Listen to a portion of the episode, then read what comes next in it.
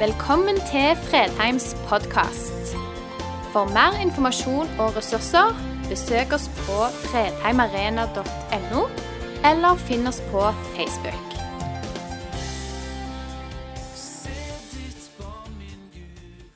Ja. Takk, Per Jone, for det du delte. Det som Gud hadde lagt på hjertet ditt. Ehm, Gud velsigne deg. At du tok av maska og var ærlig med oss. Ja. Jesus, nå står jeg her og så ber jeg om at jeg disse minuttene skal få nåde til å ære deg. Kom, Hellige Ånd, ta hånd om både meg og forsamlingen. Amen. Ja, det handler om identitet for tida. Og um, det som er uh, temaet denne dagen, da, som jeg sa, det er en identitet som er både og. Jeg vet at det er ikke noe sånn særlig, altså. Både og. Vi vil heller ha enten-eller. Men eh, det handler litt om både og da når det gjelder vår identitet som kristne. Sånn eh, i alminnelighet så eh, havna jo identitet om et menneskes oppfatning av seg sjøl. Hvem er jeg? Hvor hører jeg til? Hvordan ser jeg på meg sjøl? Og hvordan blir jeg ikke minst oppfatta av andre? For vi kan vel like godt innrømme det at vi bryr oss en hel del om hva andre tenker og mener om oss. Du sa at du kom inn her med maske, og du sa de rette orda når du kom inn. Sånn er ofte med oss, fordi vi vet hva andre forventer eller tenker, og vi vil gjerne at de skal tenke det beste om oss. da. Og mye av det vi omgir oss med, og måten vi er på eller kler oss på, det er begrunna av hensynet til hvordan vi vil at andre skal oppfatte oss.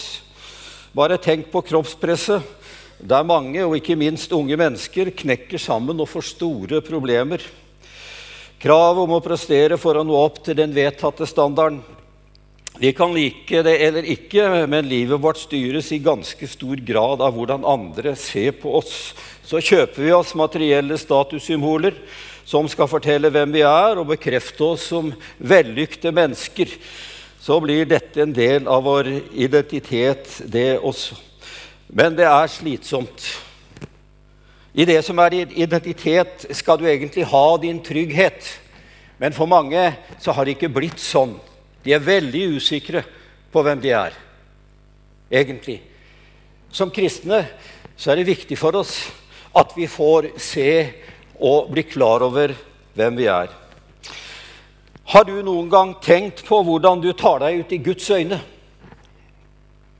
Uansett hvems tanker, ord eller meninger det måtte være, ingen av dem er så avgjørende og betyr så mye som hva Gud tenker om meg og deg, og hvordan han ser på meg.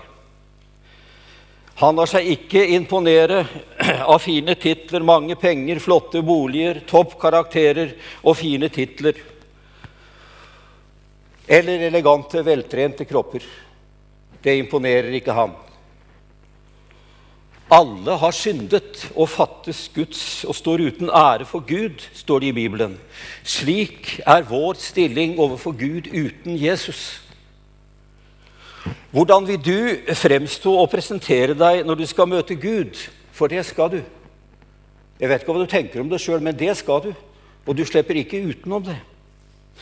Vil du fremstå i din egen drakt av hjemmestrikka kristendom og fortelle at du har gjort så godt du har kunnet, og mer kan ikke Gud forlange? Bibelen sier at all vår rettferdighet ble som et urent klesplagg. Jesaja 64. Det vi leverer i forsøk på å tilfredsstille Gud, det er et forurensa klesplagg som er infisert av synd. Vi har ikke noe å stille opp med i møte med Guds målestokk, for vi holder ikke hans standard. Hellighet kan ikke forenes med synd. Og Gud er hellig. Han kan aldri godta synd. Men når du går fallitt og ser at du ikke kan stille opp med noe, så blir spørsmålet om redning veldig påtrengende. Jeg kan enda se for meg hjemme på Tollnes som 13-14-åring, altså Tollnes, det er i Porsgrunn, der jeg står inne på soveværelset, og mora mi ligger i senga, og hun gråter. Hun tror hun er syk, og mener vel det sjøl også, men hun gråter. Og så plutselig så begynner hun å sitere en gammel salme som jeg vet ikke hvor mange av dere husker. Jeg står for Gud som allting vet, og slår mitt øye skamfullt ned. Jeg ser min synd, at den er stor, i tanker, gjerninger og ord. Det er meg igjennom hjertet skjær, og Gud meg synder nådig vær. Mora mi var snill. Hun hadde litt problemer med temperamentet sitt, men hun stella veldig godt med oss. Så ser jeg der ligger mammaen min, fullstendig nedbrutt over sin synd. Jeg vet ikke hvor mange av oss som har opplevd noe sånt, for det er nesten ikke tale om synd i dag. Men Bibelen taler en hel del om det, faktisk. Og jeg skal heller ikke utrede det noe særlig mer. Men jeg har altså også en egen opplevelse, som vel noen av dere har hørt før, men dere får tilgi meg at jeg teller igjen. Da var jeg altså ikke mer enn 15, 15 år. Og jeg hadde på en måte da bestemt meg for at jeg ville være en kristen. Og den bestemmelsen var vel for så vidt seriøs, men så samtidig opplevde jeg at jeg kom så forferdelig til kort med det å være en kristen sånn som jeg mente at en kristen burde være.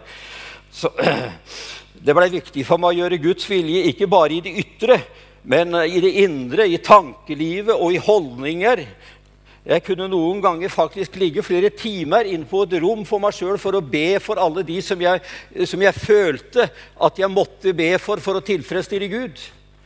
Og eh, et, etter hvert da, så kom, blei ble det veldig slitsomt.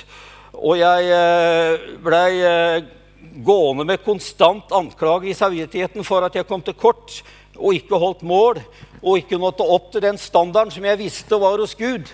nemlig de ti bud. Ja. Tankene mine og alt sammen det fløy eh, inn i ting som jeg ikke skulle, som ikke de skulle.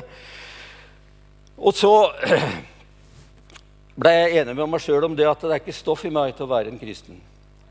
Så jeg får bare la det være. Så hadde jeg altså vært en tur på biblioteket. Jeg likte veldig godt å lese sånne bøker fra krigen av folk som hadde vært med i kampene og sånn. Men uh, Og at jeg hadde lånt med noen av de, men midt i dette her så hadde jeg tatt med i bok som det høres rart ut at en 15-åring kan låne. Den heter 'Lov og evangelium' og er skrevet av en som heter Seo Rosenius. Eh, nå kan du tenke deg sjøl. Men faktisk så tenkte jeg litt grann, kanskje. Så jeg begynte å lese på den boka. Og etter hvert som jeg leste, eh, så eh, fikk jeg altså se, se meg sjøl som i et speil. Min åndelige situasjon ble skildra og avslørt. Og det var som å lese en spennende kriminalroman der jeg sjøl var hovedperson. Og da jeg kom til løsningen og fikk se Det blei skri, ble skrevet, altså, så jeg, jeg satte meg sjøl så inn i stoffet at jeg bladde fra side til side til side til jeg kom til et, et, et, og begynte å lese noe av de troende sanne frihet fra loven. Jeg vet ikke om det betyr det, men altså hvordan de troende er fri ifra å skulle innfri Guds krav, men at de har fått en annen dekning for sitt liv, nemlig i Jesus. Da jeg kom til det, så sto det et Guds ord der. En er død for alle. Derfor er de alle døde. Så vet, jeg ikke, så vet jeg egentlig ikke hva som skjedde. Men det, jeg, fikk, jeg fikk en slags åpenbaring der jeg fikk se at det jeg mangla, det hadde Jesus gjort. Det jeg strevde med, alt det hadde Jesus oppfylt på mine vegne, i mitt sted. Alt det som hadde trøkt meg ned, og som jeg hadde liksom konkludert med at det nytter ikke, alt det så jeg som i en avdukning. Og jeg kan godt fortelle, da. Jeg sprang omkring på gulvet hjemme i stua. Jeg var aleine hjemme den kvelden. Og jeg ropte også halleluja. Det må være lov for en lutheraner, det òg. Men, eh, men eh, altså Det der er det som Bibelen kaller for åpenbaring. Og nå vil jeg ikke sette mitt min opplevelse opp som en slags modell for hva andre skal oppleve. For her forrige søndag så fikk vi høre at ofte så blir mennesker kristne gjennom en prosess der det er som en soloppgang. For meg så skjedde det på denne måten som jeg har skildra nå. Den drakta jeg sleit med å sy sammen av gode gjerninger og selvstrev, den gjorde meg ikke presentabel for Gud. Jeg måtte se til en annen for å få dekning for mitt mislykka liv. Og eh, nå har jeg altså eh, fortalt det. Nå, nå, nå, sagt, nå, kan du komme fram, kan du komme fram eh, Nikolai.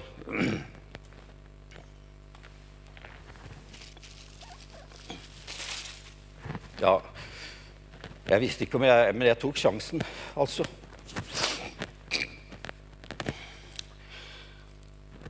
Altså, Jeg siterte i stad 'All vår rettferdighet er som et skittent klesplagg'. Skal Gud se på oss sånn som vi er, uten gjennom Jesus, så er, så, så er, det, så er, er det, er mye dritt og lort. Men som mennesker er vi verdifulle og skapt i Guds vilje. Men livet vårt har medført at det er litt av hvert. Det så jeg faktisk som en 15-åring. Men eh, nå er jo du alminnelig eh, presentabel her, er du ikke det? Jo, du er det. og han er en veldig kjekk kar som vi er glad for at vi har med på Fredheim. Det er vi.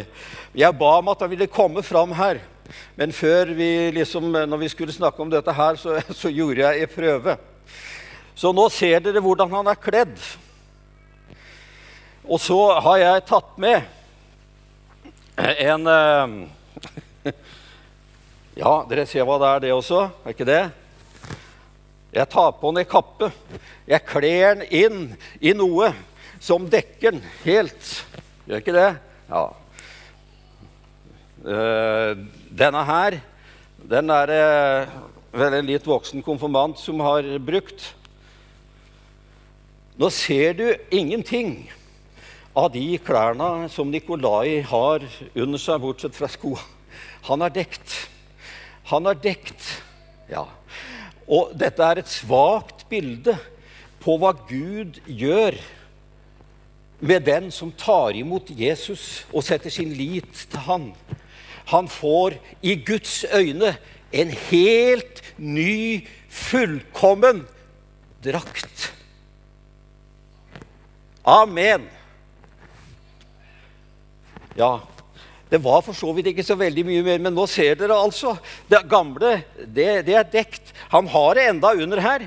Det er situasjonen egentlig for en kristen her i verden. Altså, han, han er fremdeles en synder. Han synder hver dag. Han går på smeller, både på det ene og det andre. Men hvordan er det egentlig da når Gud ser på oss? Ja, han ser drakten. Vet du hvem drakta er? Det er Jesus-drakten. Det er Jesus-drakten. Ja. Nå skal jeg komme litt uh, tilbake til den, men du kan ta den av, deg, så du slipper å stå som utstilling. Takk skal du ha fordi du kom. Ja. Det var en sånn liten anskuelsesundervisning, det.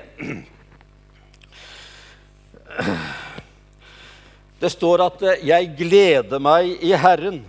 Min sjel jubler over min Gud, for han har kledd meg i frelsens klær. Han har kledd meg i frelsens klær og svøpt meg i rettferdighetens kappe. Denne drakta som Gud ser oss i, den er vevd av Gud som et uttrykk for hans ufattelige kjærlighet. I den drakten så har han vevd inn Jesus stedfortredende liv. Det var hellig, feilfritt og fullkomment. Når du får den drakten, så er det akkurat som du har levd Jesu fullkomne liv. Det blir ditt. Der er Jesu forsoningsdød på korset. Og hans oppstandelse og triumf over døden, den er også vevd inn i det. I den Jesusdrakten som bare Gud ser, er du fullkommen hellig og rettferdig, og han fryder seg over deg. Men eh, de som var omkring meg, da For mange av dere kona, familien, arbeidskollegaer Ja, de ser meg sånn som jeg er, den gamle Terje. De ser eh, alle mine feil. De ser eh, alt det som er grunn til å irritere seg over, og de ser at jeg ikke er sånn som en kristen burde være. Så de merker at eh, jeg er ikke fullkommen. Men samtidig så er det sånn at Gud og mennesker ser meg på helt forskjellige måter. Og begge ser sannheten om meg. Fordi det er altså både og. Gud ser meg i drakten. Jesu fullkomne drakt som han har kjøpt meg på Golgata og gjennom sin oppstandelse. Og det er veldig viktig at jeg som kristen lærer å forholde meg til det, ellers kan jeg bli forvirra over hvem jeg er som en kristen. Jeg er 100% hellig og rettferdig Men du hadde, hvis du hadde levd sammen med meg en dag, så hadde du sett det. Nei, han er, ikke, han er ikke hellig og rettferdig. Og det er helt sant. Men når Gud ser på meg, så ser han meg i drakten. Han ser meg i Jesus, og han fryder seg over meg, for jeg er akkurat like fullkommen som Jesus er i hans øyne. Er ikke det, er, er ikke flott, da? Ser jeg saken fra Guds side, så har han regna all min synd over på Jesus, og det skjedde på korset. Jesus tok all synd som sin og derfor også min, for han er såra for mine overtredelser. Han er knust for mine misgjerninger. Straffen lå på han for at vi skulle ha fred. Og ved hans sår har jeg fått legedom, helbredelse og en fullkommen rettferdighet. Det at, har, eh, at Gud har regna hele Jesu fullkomne liv og hans sonen og seierrike død over på meg, vet du hva det betyr? Det er som om jeg skulle ha levd det fullkomne livet Jesus levde. Som om jeg skulle ha hengt på korset og tatt straffen for min synd. Som om jeg som en følge av det skulle ha oppstått til nytt liv. Så identifisert er et kristent menneske med Jesus når han tror på Jesus. Alt hans er blitt mitt. Jeg har fått hele pakka. Hele pakka. Jeg har fått gratis del i Jesu liv og fullkomne Nå skal jeg bare sitere et kort sitat av den berømte Rosenius. Jeg takker Gud for han, ja. ja det, det, er altså snart 200 år siden han levde, tror jeg. Men han, det var en fantastisk vekkelse over hele, ikke først i Sverige, og så over hele Skandinavia, fordi folk var sylta ned i alt de skulle gjøre og være og bli som kristne. Og så kom han med et fantastisk budskap om at alt er gjort, alt er betalt, alt er ordna opp av Gud på korset. Så kan du høre hva han sier. Hver den som holder seg til Kristus, blir ansett som om han selv var naglet til korset og var død slik, og slik har sonet sin skyld. Han er begravet med Kristus som om han selv var begravet, og alle hans synder med han. Han er oppstått fra de døde med Kristus og frikjent fra sine synder og satt i det himmelske med Kristus. Han er salig trengt igjennom fra døden til livet og kan like lite dø og gå til grunne som Kristus kan dø en gang til, så sant han blir i Kristus.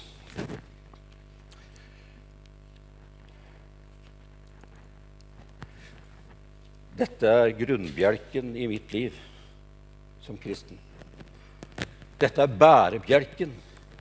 Uten det så vil jeg falle fullstendig sammen og gå til grunne. Nå skal jeg straks uh, slutte. Hva er sannheten om deg som en ny skapning i Kristus? For det står det at uh, den som er i Kristus, han er en ny skapning. Det gamle er blitt borte. Og alt det nye er kommet. Det gamle er blitt borte. En baby har ingen fortid, bare en framtid. Og ditt gamle liv, det eksisterer ikke lenger for Gud. Og nå til slutt skal jeg ta fram en liten uh, hendelse som jeg leste om i en bok av misjonær Ingeborg Håkonsen. Hun er død for lengst, men den boka heter 'Guds under i mitt liv'. Og Så forteller hun en episode fra sin barndom hjemme et sted på Vestlandet. Hvordan hun uh, ja, Noe som satte så spor i henne at den, satt der hele sitt, den satt der hele livet og var til trøst og hjelp for henne. Hun forteller at hver vår så hadde vi på gården eh, Mor hadde bakstekone som var her i flere dager. Og sammen med mor bakte hun flatbrød hele året. For hele året. Den dagen denne dagen var de blitt ferdig, og alt flatbrød som lå i store lag, var plassert på et langbord i kjelleren. Den ene stabelen etter den andre, nesten helt til taket. Hun hadde først gjort i stand og Morgenen etter så fortalte mor at nå skulle hun reise til Bergen denne dagen. Hun hadde først gjort i stand fisk og poteter som jeg skulle få gå til oldemor med, forteller Ingvar, eh, som da var eh, oldemor var over 90. Og det å gå til oldemor var det kjekkeste jeg visste. Men det siste mor sa før hun måtte skynde seg til jernbanestasjonen, var det. Ingeborg, nå må du lukke kjellerdøren godt igjen, slik at sauene ikke slipper inn. Jeg lovet selvsagt det, og lukket framdøren godt igjen, men ikke bakdøren. Hos oldemor ble jeg både vel og lenge, og da jeg endelig kom hjem, hørte jeg bjellesauen i kjelleren. Han hadde selvsagt funnet inn bakdøren og sammen hadde han 25 sauer, både voksne og lam. Det var et syn sier jeg, som var helt forferdelig. Sauene hadde naturligvis revet ned det meste av flatbrød og tråkket ned mye mer enn de hadde spist. Det hele var blitt en blanding av brød og skitt og lort som måtte spas ut. Jeg var aldeles fortvilet. Jeg enda ikke, kan enda ikke forstå at et barn kan oppleve et slikt sjokk. Jeg gråt og jamret meg, og hadde mor bare kommet hjem Det var rettferdig hva hun hadde gjort med meg, men hun kom jo ikke. Da slo det ned meg. David han la seg på sitt ansikt og ba til Gud. Jeg hadde vel hørt det på et møte, kan jeg tenke. Jeg kastet meg ned på ansiktet i flatbrødhaugen og ropte 'Nå dør jeg'.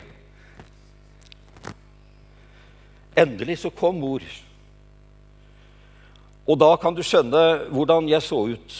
Mor ble aldeles forskrekket og ropte. 'Hva er det, barn?'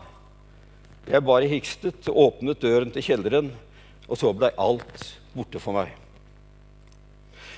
Hvor lang tid som gikk, det vet jeg ikke, sier hun. Men da jeg våknet, så lå jeg i sengen, og mor satt ved siden av meg og gråt.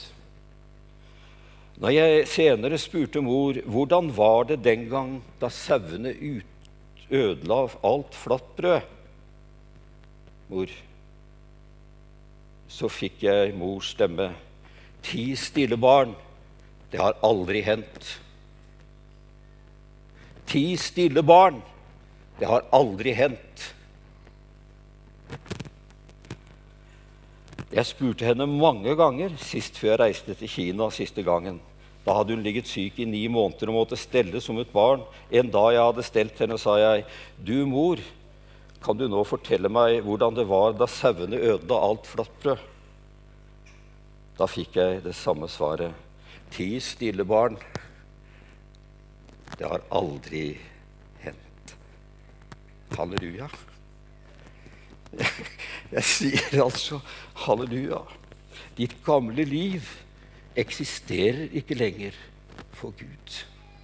Det er den nye skapning du er i Kristus, som eksisterer, og som har betydning. Du er tilgitt alle dine synder. Du er rettferdig, hellig og feilfri for Gud, sier Bibelen. Og Det betyr at du kan komme inn for fars ansikt uten følelse av skyld, fordømmelse og mindreverd, for Gud er like fornøyd med deg som han er med Jesus. Du kan aldri bli mer rettferdig enn du er nå. Du kan vokse og utvikle deg på alle områder i kristenlivet, bli bedre utrusta, mer moden og legge av syndige vaner. Og det bør vi være opptatt av. Men du kan aldri bli mer rettferdig.